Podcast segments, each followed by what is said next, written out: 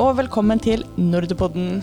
Jeg heter Inga, og i april 2021 så la EU-kommisjonen frem et forslag om regulering av kunstig intelligens. Intet mindre.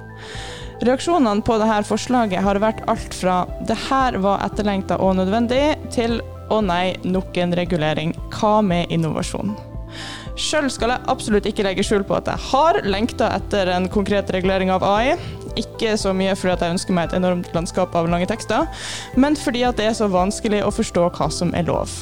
Kanskje fordi at de rette lovene ikke fins, kanskje fordi at det som finnes er vagt, eller kanskje fordi at jeg ikke har skjønt greia i det hele tatt. Men i dag så skal jeg sammen med deg, kjære lytter, skjønne litt mer av greia. Og til det så har jeg fått med meg Dag Vise Skjartum, professor på Senter for rettsinformatikk på Universitetet i Oslo.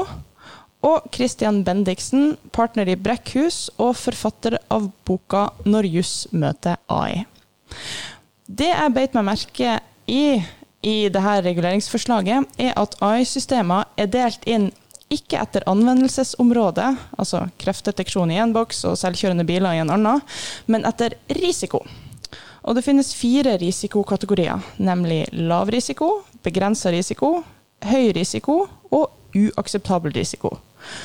Så jeg har lyst til å spørre dere begge to om Gir det mening å dele inn AI på den måten her, altså etter risiko, og ikke etter f.eks. anvendelsesområde? Ja, altså Det er ikke helt det den, det forslaget gjør, da. Um, men det er vanskelig å oppdage det. Um, altså, eh, hovedsystematikken er, er et risiko.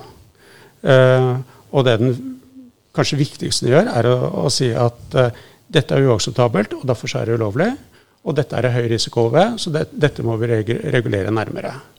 Og så har de et, noe vedlegg, eh, bl.a. et vedlegg 3. Og der står det mer områdespesifikt.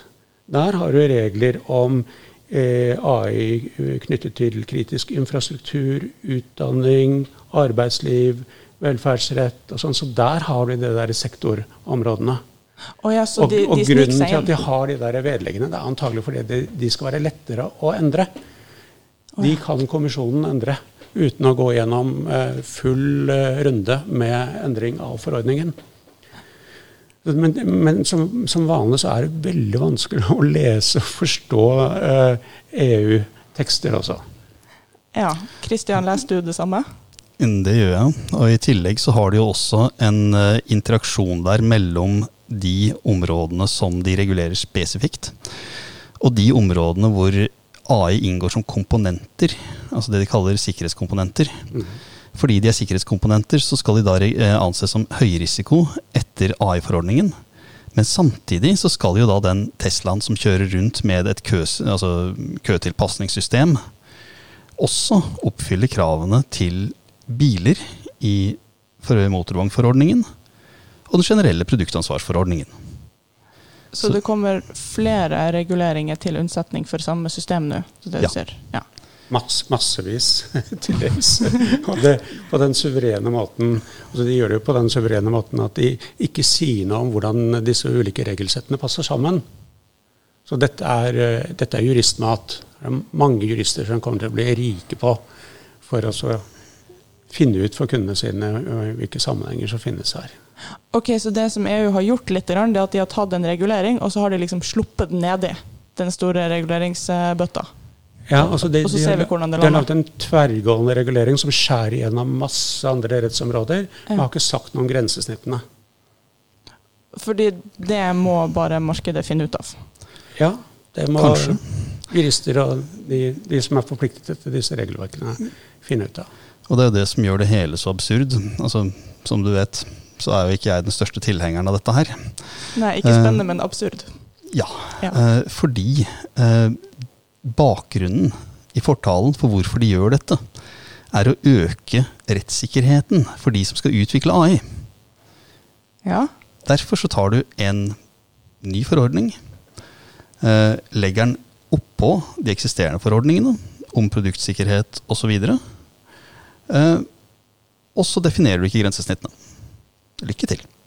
Rettssikkerheten er vel ikke akkurat økt med dette her, men forvirringen tror jeg kan stige betraktelig.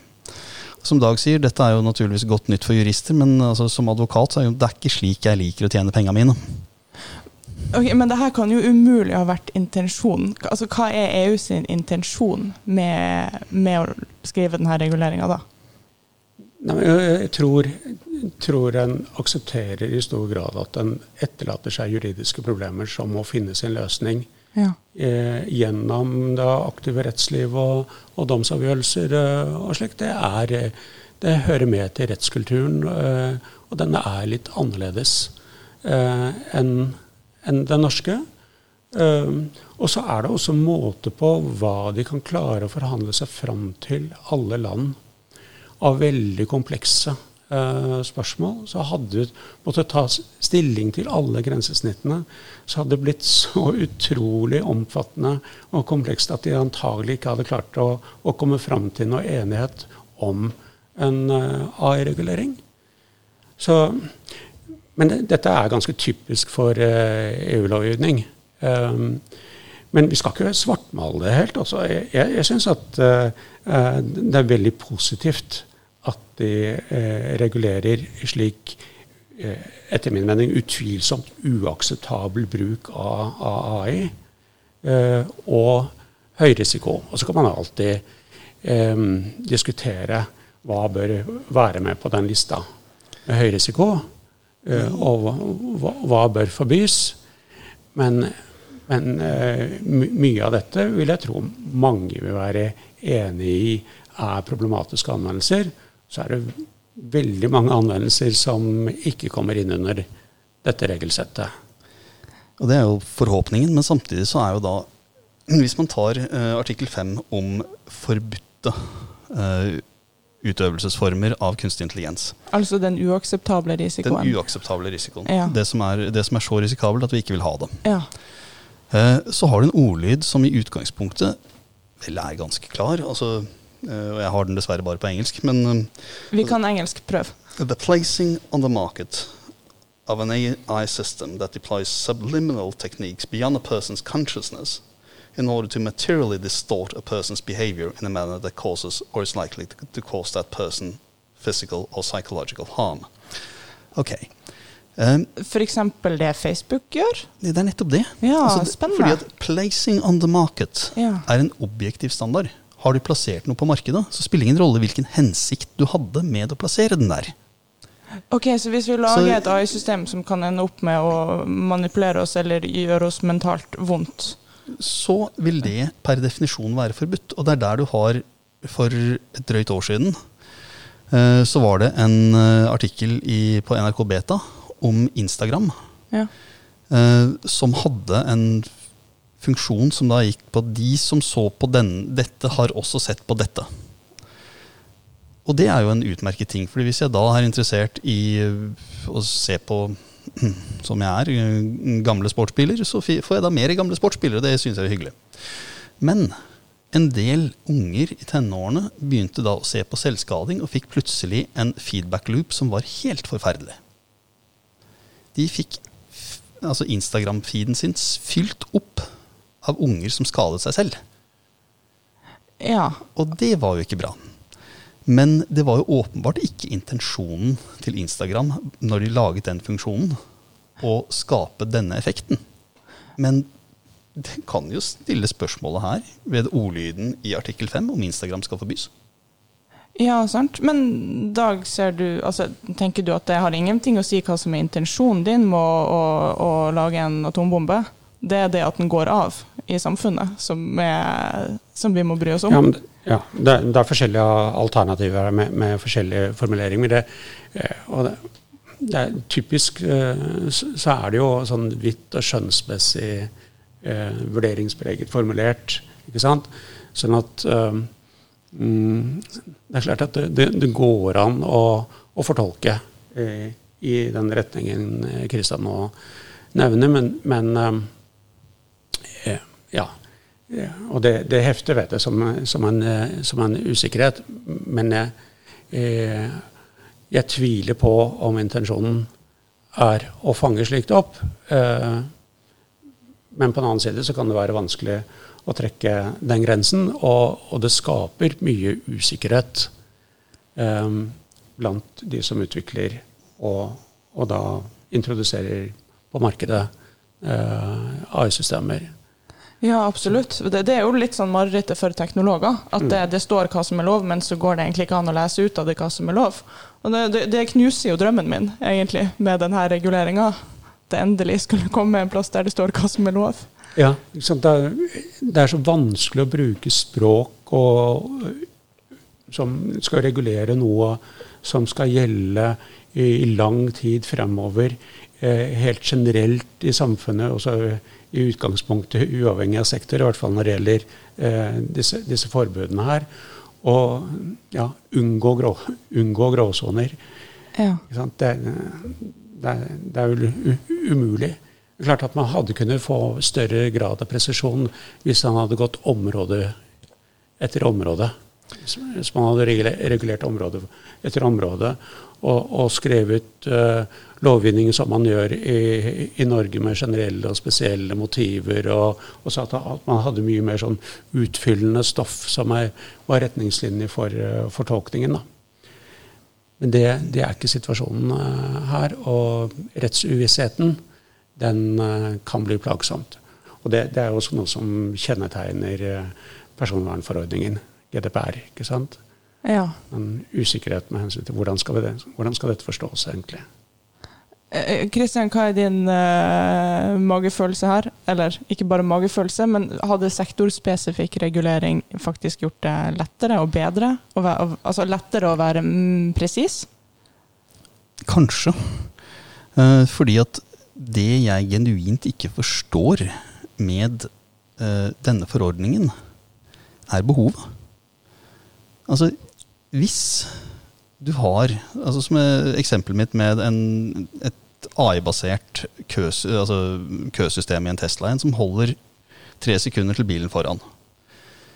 Hvis den gjør et eller annet galt, og man kan spore det tilbake til treningen av systemet, så er poenget at Teslaen har kjørt i veggen. Og det er produktansvar, det. Du mener at AI-spesifikk regulering faktisk ikke er behov for, fordi at det alltid vil være en annen relevant regulering som fanger det opp? Etter min mening så burde man snarere lagt vekt på å faktisk bruke den loven som man har. Uh, altså produktansvaret for skadevoldende gjenstander. Om de så gjør skade ved AI eller fordi at kjemikaliene deres lekker, eller hva det måtte være. altså Det spiller ingen rolle. Dette er, altså dette er å regulere et virkemiddel istedenfor å regulere et resultat. Altså, ja, Ditto ja. med bias. Vi har straffeloven på kjønnsdiskriminerende og rasediskriminerende altså, Og vi har markedsføringsloven som går altså det, altså Hvis en markedsføringsbot går bananas, så bryter de en serie med sektorspesifikke reguleringer. Hva skal vi med denne greia her på toppen? Ja, akkurat. Dag, du og jeg eh, snakka sammen eh, på um, Likestillings- og diskrimineringsombudets årskonferanse. Ja. Da husker jeg at jeg spurte deg uh, har vi de reguleringene vi trenger for, for, å regulere AI. Og jeg mener husker at du sa nei. Uh, ja. Husker jeg feil? Eller hva, hva Nei, ja. du husker riktig. Ja. Så um, jeg, jeg, hadde vel uh, ønsket meg en blanding. Ikke sant? Jeg hadde, hadde, ønsket meg uh, en eh, regulering som uh, f.eks. En, en nærmere regulering med hensyn til diskrimineringslovgivning. Altså vurdert område for område. Uh, behov, om det var noen spesielle behov for å, å regulere AI. Og eh, jeg mener f.eks. at eh, det er behov for en spesiell regulering eh, vedrørende myndighetsutøvelse. Eh, ikke bare når det gjelder AI, men når det gjelder systemutvikling, utvikling av systemer som brukes for automatisert myndighetsutøvelse. Mm. Der er det behov, litt på samme måte som forordningen her, eh, å stille noen krav til eh, de bakenforliggende prosessene, først og fremst. Og stille noen overordnede krav til, til resultatene til, til systemene. for det er så veldig viktig. Men da, hvis en da lager den type regler innenfor rammene av en revidert uh, forvaltningslov, så kan vi lage bestemmelsene mye mer presise, og vi får mye bedre diskusjon om hvor intensivt bør vi regulere, og hvilke reguleringsteknikker kan vi tilpasse. Ja. Tilpasse behovene. Først konstatere hva er behovene, og så tilpasse reguleringsmåten etter det. Så hovedproblemet her er at uh, her har en, en generell regulering som skjærer gjennom alt, uavhengig av særtrekk ved de ulike rettsområdene. Og da vil du få masse overraskende effekter. Og det er ikke gjort noe analyse av det. Helt sikkert ikke. Det er en altfor stor jobb. Så de har laget generelle regler. Og øh, hvis det blir vedtatt, da håpe på det beste. For å følge opp den litt. For det du nevnte om eksempelvis altså behovet for uh, å uh, begrense bias, og så gjøre det sektorspesifikt. Altså i hvilke deler av uh, si næringslivet har man et problem med skrudde utfall som følge av maskinlæring. Ok, Så tar du en analyse av det, og så går du inn i de områdene hvor det faktisk medfører at utfallene er enten diskriminerende eller bare altså, eller på annen måte ulovlig. Og så gjør du noe med A-en der. Altså en mer reaktiv regulering, egentlig? Ja, altså det, det jeg synes er fascinerende, er at vi mesteparten av de konkrete problemstillingene vi har funnet av at AI faktisk gjør feil, mm. de kommer fra USA. Hvor man har tatt dem i bruk hvitt. Og så ser man at der og der og der, og i hvert fall der, law enforcement, der funker det ikke i det hele tatt. Ja. Så da gjør man noe med de områdene hvor man faktisk volder skade. Og den formen for analyse virker umiddelbart langt mer intuitivt riktig. For da tar du de stedene hvor det faktisk er et problem. Mens i denne forordningen her ser det ut som man har gått ut med et utgangspunkt om at AI er problemet. Ja, det, jo, det minner meg litt om uh, utviklere som har uh, lyst til å få ting til å skje fort. De sier 'move fast and break things'. og nå har vi vel kanskje begynt å skjønne det at oi, kanskje vi ikke skulle laga både den og den AI-en. Eh, vi hadde jo ikke ønska oss f.eks. sosiale medier sånn som de er nå, eh, for ti år siden men likevel oppsto de. Altså er det, er det, ikke et poeng at man skal kunne si på forhånd det her er den verden og det samfunnet vi ønsker oss? La oss prøve å beskrive hvilket innhold det samfunnet må ha? Eller tenker dere at det, bare, det vil bare strupe utvikling? Ja, her er det i hvert fall tilnærmingen eh, at vi prøver å tenke oss hvilket samfunn vi ikke vil ha. Sier ja. vi i hvert fall ikke ha dette. Ja. Og for øvrig så må man kunne bruke Eh, AI slik eh, en finner best. ikke sant? Og vi trenger både den, den, den, den eh, mer sånn grensesettingen mm. og, og, den positive innovasjonen, så klart. Men her har, man gått inn og regulert og prøvd, å beskrive, angi, eh, det man i, i, hvert fall ikke vil ha, og det man syns virker veldig skummelt. Mm. Og så har man uh, prøvd å stille opp noen generelle regler for det. Og så har man sagt hvis du skal lage en så her skummel ting, mm. da må følgende kriterier være oppfylt. Ja. Og så har de kriteriene dessverre blitt formulert så vagt at vi ikke kan bruke dem helt med det første, før det er litt uh, rettspraksis ja, på plass. Ja, for det reglene gjelder på alle mulige områder i alle mulige situasjoner, så skjønner vi ikke hvordan det virker. Ja. Altså, hvor, det er sånn, eh, EU-reguleringer er ofte sånn langt oppe i skyene, og du ser ikke bakken. Ser ikke detaljene på bakken. Og med en gang du kommer, sånn for, for, å anvende dem, sant, så må du ta det ned på bakken og anvende på konkrete forhold. Og da er det ofte at det ikke passer, eller det, blir veldig vanskelig. Men det er vel et eller annet med det politiske systemet, samarbeidet i EU, som gjør det veldig vanskelig å utforme rettsregler på den måten vi er vant til.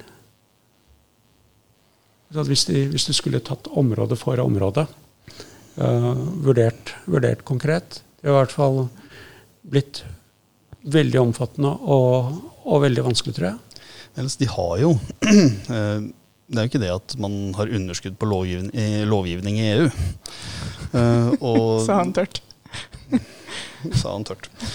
Uh, og det er jo i vedlegg to her til uh, dette forslaget, så har du jo en liste på um, ja, to sider med uh, direktiver som er da Union Harmonization Legislation, som spesifikt regulerer da uh, produkter som kan inneholde e, altså AI som del av sikkerhetskomponentene, og som derfor må harmoniseres med denne forordningen. Ja. Ikke sant? ja. Det er to av fire sider med lovtekst som skal tilpasses denne forordningen, fordi at man kan tenke seg at AI kan drive sikkerhetssystemer der. Eh, så Ja. du har en det er, altså, det er ett aspekt av det. Det finnes mer enn nok sektorspesifikk lovgivning som man faktisk kunne gått inn og kikket konkret på. Istedenfor å lage noe overreaching, som de har gjort her. Og hvis de da på toppen altså, føler behov for å lage noe overreaching, så burde de i hvert fall ha et presisjonsnivå som gjør at vi forstår hvorvidt eh, det de mener er absolutt forbudt, er kinesernes system for å overvåke ugurer eller Instagram. ja. for det må vi egentlig bare ta på skjønn per nå. Ja. Ja. Men, men dere, hittil så har jo vi, eller mange, tenkt på GDPR når det har vært snakk om AI-regulering. Selv om GDPR bruker, eh, regulerer bruken av personopplysninger og ikke er en AI-regulering. Men, men det er jo den assosiasjonen vi har. Er det noen relasjon mellom det forslaget her og gode, gamle GDPR? Ja, altså det, det er veldig tett forbindelse, men eh, det, er, det er ikke synliggjort. Annet enn på noen veldig få punkter. Um, og så I veldig stor grad så vil jo AI-systemet gjøre bruk av personopplysninger, så man må tilfredsstille kravene i GDPR sammen med denne eh, forordningen her. Um, men hvordan de eh, passer sammen, det er eh, helt uvisst. Og ja, det, jeg, jeg tror ikke det uten videre er en, le, en lett analyse.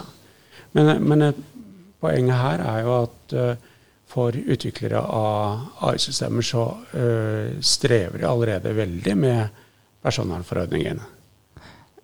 Der er det også mye usikkerhet med hensyn til hva er det tillatt å bruke av personopplysninger som allerede er samlet inn. For man bruker jo da eh, historiske data som er samlet inn for, for helt andre formål. Ja. Og da er det i hvert fall en fem-seks eh, rettsspørsmål som må løses eh, før en kan svare ja, disse, data kan, disse personopplysningene kan vi bruke. Og de rettsspørsmålene er til dels vanskelige å ta stilling til, og skaper eh, usikkerhet både hvert av spørsmålene og i hvert fall, i hvert fall til sammen. Som vi har kjent en del på, kanskje særlig i Norge. Ja. Eh, Som gjør at mange er veldig forsiktige med å utvikle AI-systemer som er basert på personopplysninger. og det vet jeg jo, Kristian, at du har hatt litt hodepine med. At vi står litt på vårt eget slips eh, med GDPR. Altså Jeg vet jo ikke i hvilken grad altså Datatilsynet vil jo si at det gjør de overhodet ikke. De tolker GDPR på uh, lik måte som alle andre datatilsyn. Um, det som jo er problemet med GDPR, det er jo uh, at GDPR som sådan eh, gjør det fryktelig vanskelig å drive uveiledet maskinlæring over ekte, uh, ekte personopplysninger. Ja. Eh, fordi du skal jo da, altså Hvis du sanker inn pe- altså personopplysninger med samtykke, så må du jo definere et presist bruksområde for de dataene. Mm. Uh, jeg skal lete i dem. Mm, mm, ja. Ja, altså Uveiledet maskinlæring. Jeg skal lete i dem. ja. Unsupervised for Mm. mine teknologvenner. Ja. Og det er jo det store problemet ellers med GDPR. Altså, eh, altså Datatilsynet sier jo at det, det, er jo, det er jo ikke noe problem med GDPR, for alt er jo utgangspunktet lov. Men det er bare det at dere må tolke det selv. Eh, og hvis dere tar feil, så er det 4% av bruttoomsetning, og ikke minst noen millioner i advokatutgifter, fordi at vi kommer til å bruke to år på å bestemme oss for hvorvidt dette her er riktig lov eller ikke. Ja. Unnskyld. Altså, første gangen jeg, jeg, jeg fikk øynene opp for de her fire risikokategoriene, så jeg tenkte jeg at eh, nå kommer det til å bli en konkurranse om å ikke havne i kategorien høy risiko, fordi at da blir det strengt. Eh, tenker dere også det, eller er det du i lys av det du påpekte, Kristian, er det en, nesten litt sånn perks med å komme i høyrisikokategorien? Så får man lov til litt mer? E- Eller er det litt sånn at du, hvilken kategori du har lyst til å havne i, har ikke noe å si, fordi at her, det her forslaget gjør det helt tydelig hvor stor risiko AI-systemet ditt har. Så du bare faller rett inn i en kategori uten videre. Det er jo vanskelig å svare generelt på, på dette. Også, eh, myndigheter er i en helt annen situasjon enn en private aktører i et marked, f.eks. For Ah, den ja. siste kategorien så er det jo utsiktene antagelig til eh, å tjene penger som er avgjørende. Veie det opp mot risikoen for å, for å havne i, i, i en kategori som eh, er, eh, er tungt regulert. Um, ja, det er vanskelig, vanskelig å si noe generelt om det. Jeg tror i hvert fall ikke at disse kategoriene er så tydelige at du vet hva slags eh, altså, kategori du programmerer deg inn i, for å si det sånn. Å ja, for det hadde jo vært en fordel å kunne vite på forhånd når man planlegger systemet sitt, og hvor mange jurister og utviklere man skal budsjettere. Altså, det er jo noe med at uh, en del av dette er uh, det, fin altså, det skjønner du jo. Altså, det som går på law enforcement. uh, ja, du, du vet at du programmerer et system som skal brukes ved, domstolene, liksom.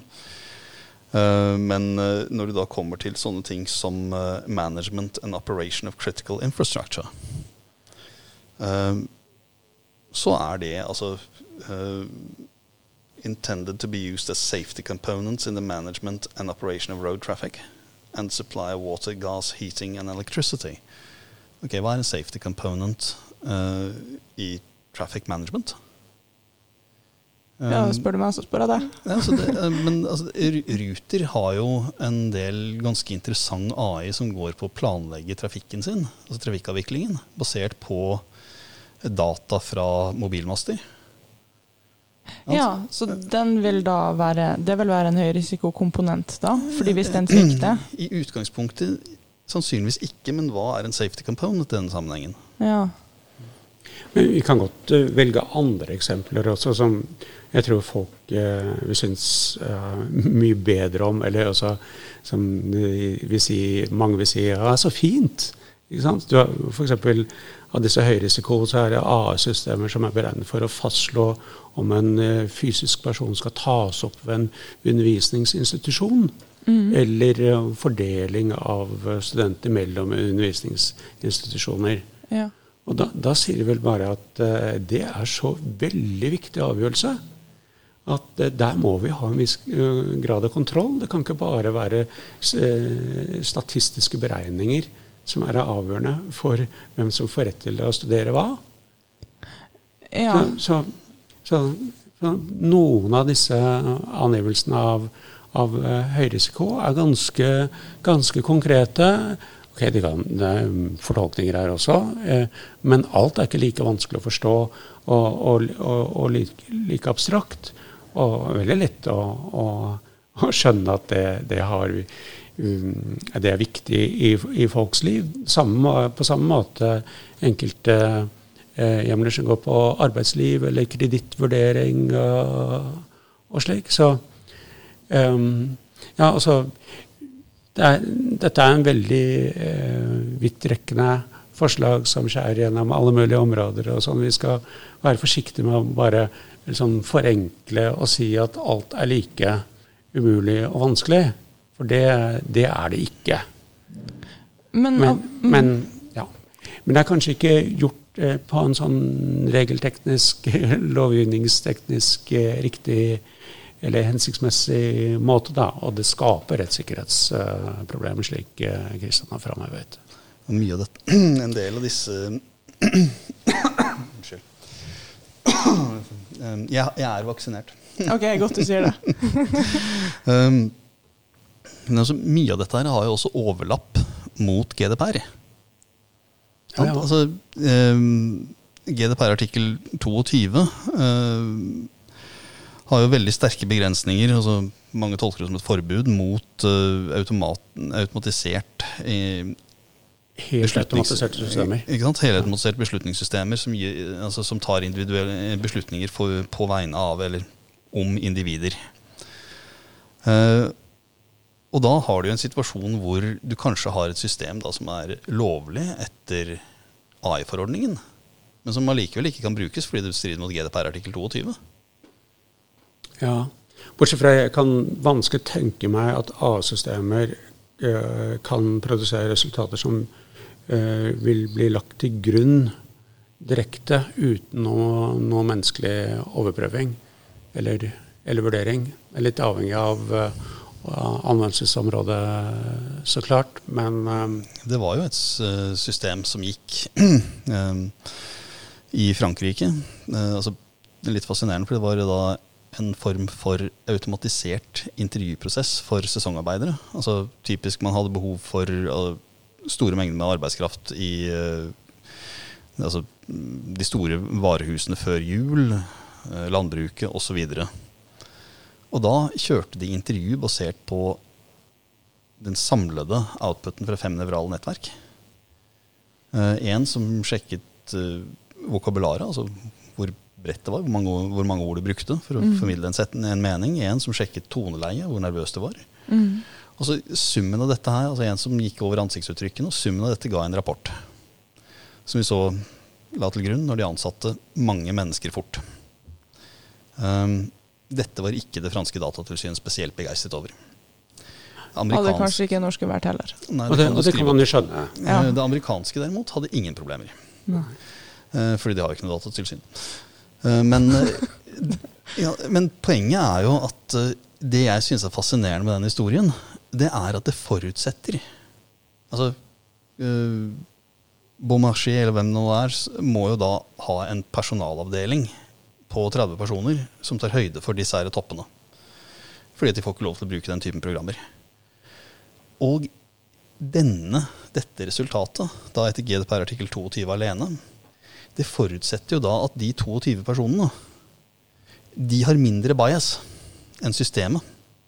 Mm. Systemet, systemet, lar seg korrigere, men en 50 år gammel fyr som stemmer Front National, han tror jeg er litt vanskeligere å snu. altså. Ja, altså AI gir oss jo muligheten til å ha en koordinerende effekt på samfunnet, uh, som, som, vi bare aldri har hatt, uh, har hatt før.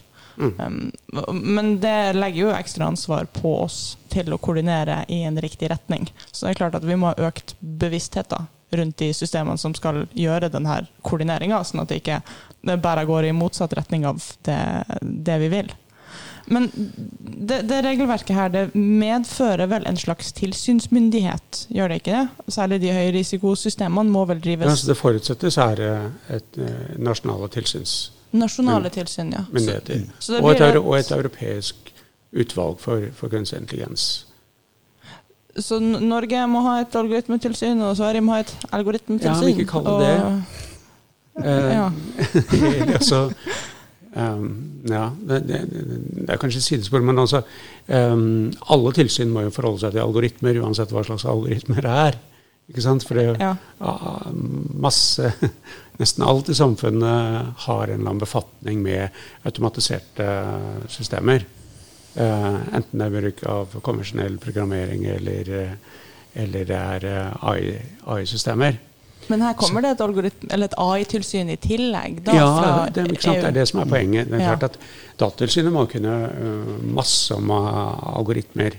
Eh, men det bør Arbeidstilsynet og Helsetilsynet også, Alle tilsyn bør, bør, kunne noe om det, for det, det har med tilsynsoppgaven deres uh, å gjøre. Så vi kan ikke spesialisere oss og si at uh, det, er bare, det er ett spesielt tilsyn som fører tilsyn med algoritmer. Det er en integrert, en integrert del av det ethvert tilsyns, enhver tilsynsmyndighet må gjøre. Og bli en en stadig større eh, del av virksomheten deres også.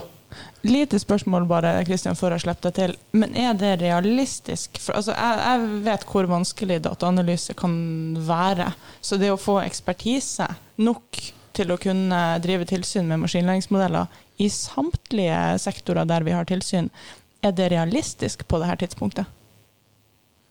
Ja, det, men det vet jeg ikke, men, men, men, eh, men eh, en mulighet eh, det er jo også å forsterke det vi har sett en del av, nemlig samarbeid mellom tilsynsmyndigheter.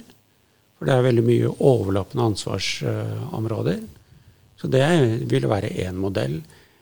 Men, men vi kan ikke si at Datatilsynet eller Arbeidstilsynet ikke skal ha noe med algoritmer å gjøre. Det er overlatt til et eget algoritmetilsyn.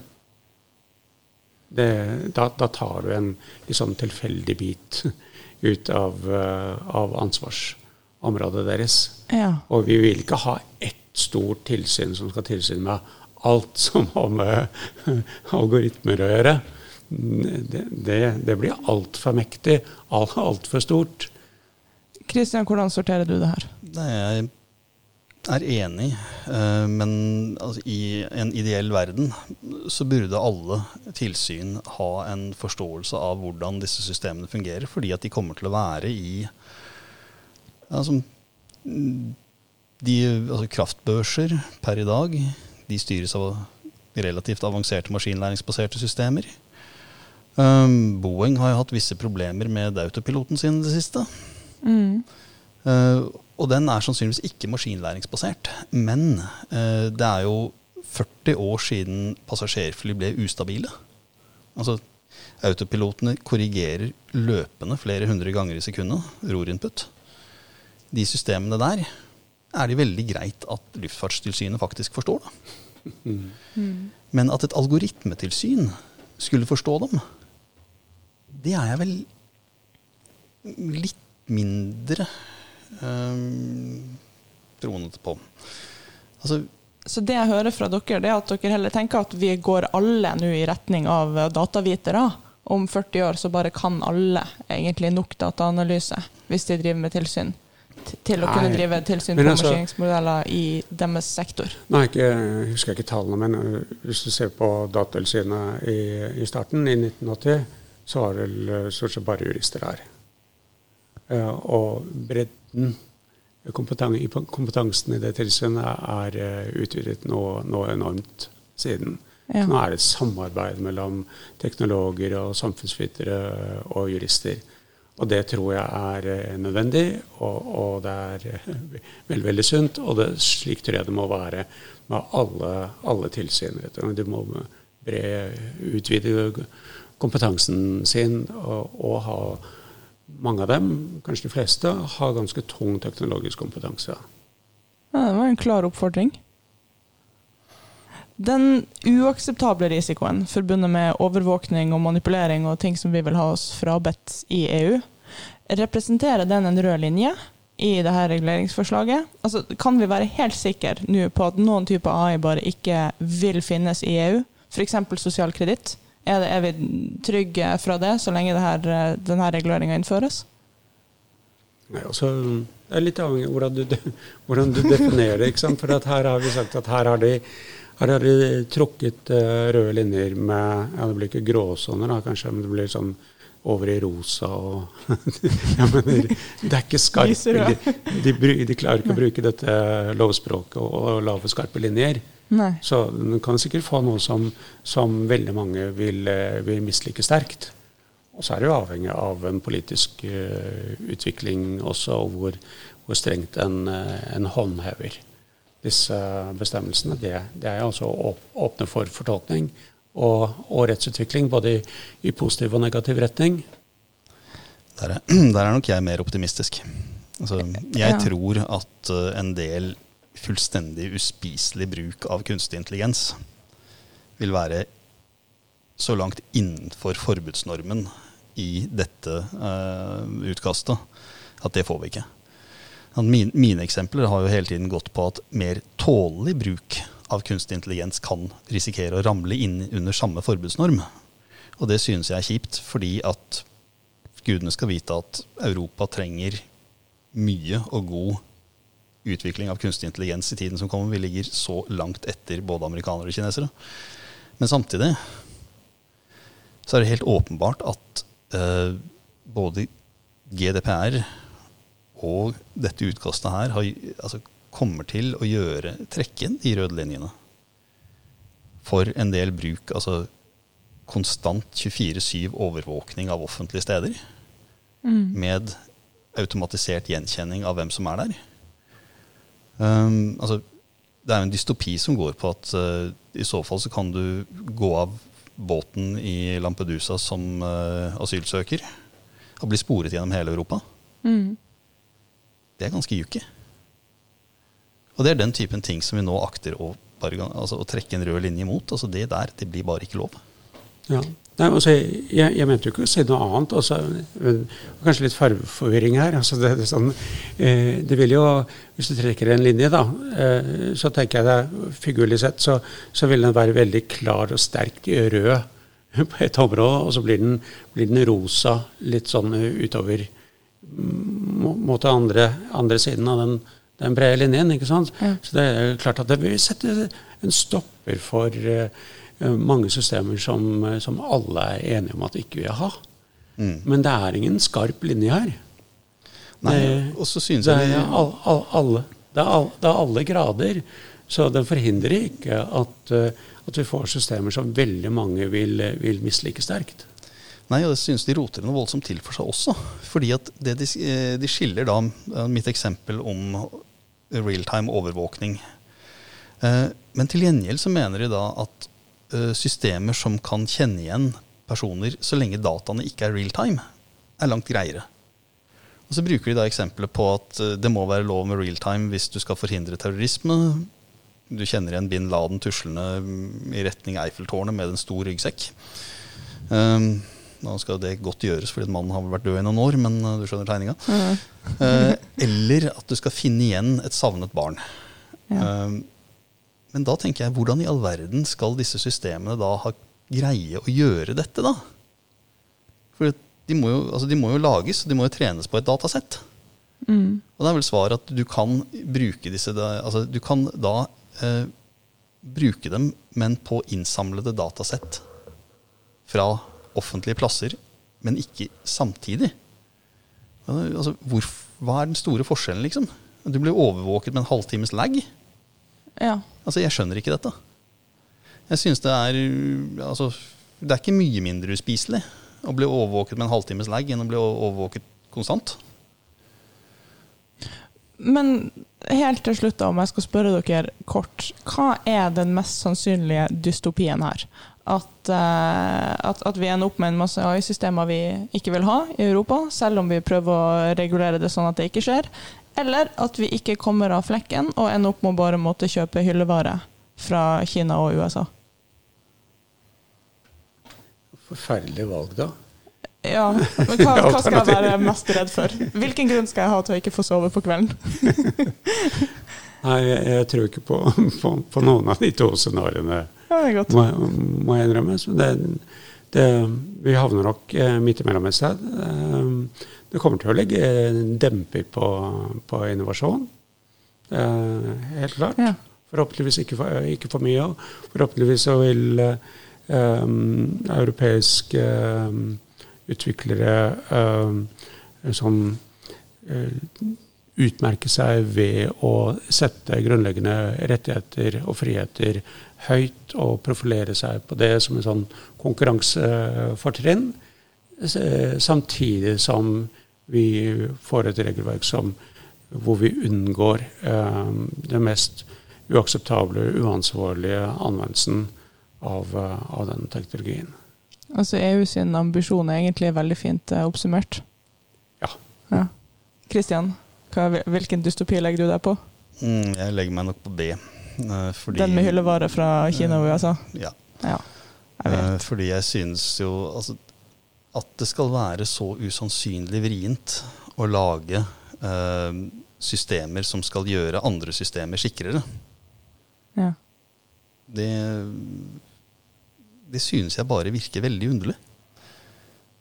Um, så jeg ville jo tippe at i den grad du får en chilling-effekt på innovasjon, så vil det da være nettopp en chilling-effekt på de systemene vi egentlig har mest bruk for. Nemlig bedrede sikkerhetssystemer. For de er jo da high risk per definisjon. Ja, jeg tenker at det er en veldig oppløftende og fin uh, tanke å avslutte på. En oppfordring til alle sammen. Brette opp armene, utvikle AI-systemer og uh, sørge for at de kanskje er i henhold til en regulering. Uh, blir det noe ut av den her? Hva tenker dere? Sånn som forslaget står nå, kjapt ja eller nei, er det sånn vi kommer til å se det implementert om et år eller to? Det blir sikkert justeringer store justeringer, eller er det her i grove trekk det vi får? Jeg vil jo tro at vi i grove trekk får uh, en regulering etter forslaget. Ja. Kristian, hva vedder du 50-lappen din på? Blir det den her? Det blir nok noe som ligner veldig mye. Ja. ja, men det er godt. Da vet vi ca. hva vi kanskje har å forholde oss til. Tusen hjertelig takk begge to for at dere kom. Gjorde meg litt klokere. Litt mer bekymra. Um, og til slutt så vil jeg sende en kjempestor takk også til Den norske dataforening for at de støtter oss med denne podkasten. Vi høres.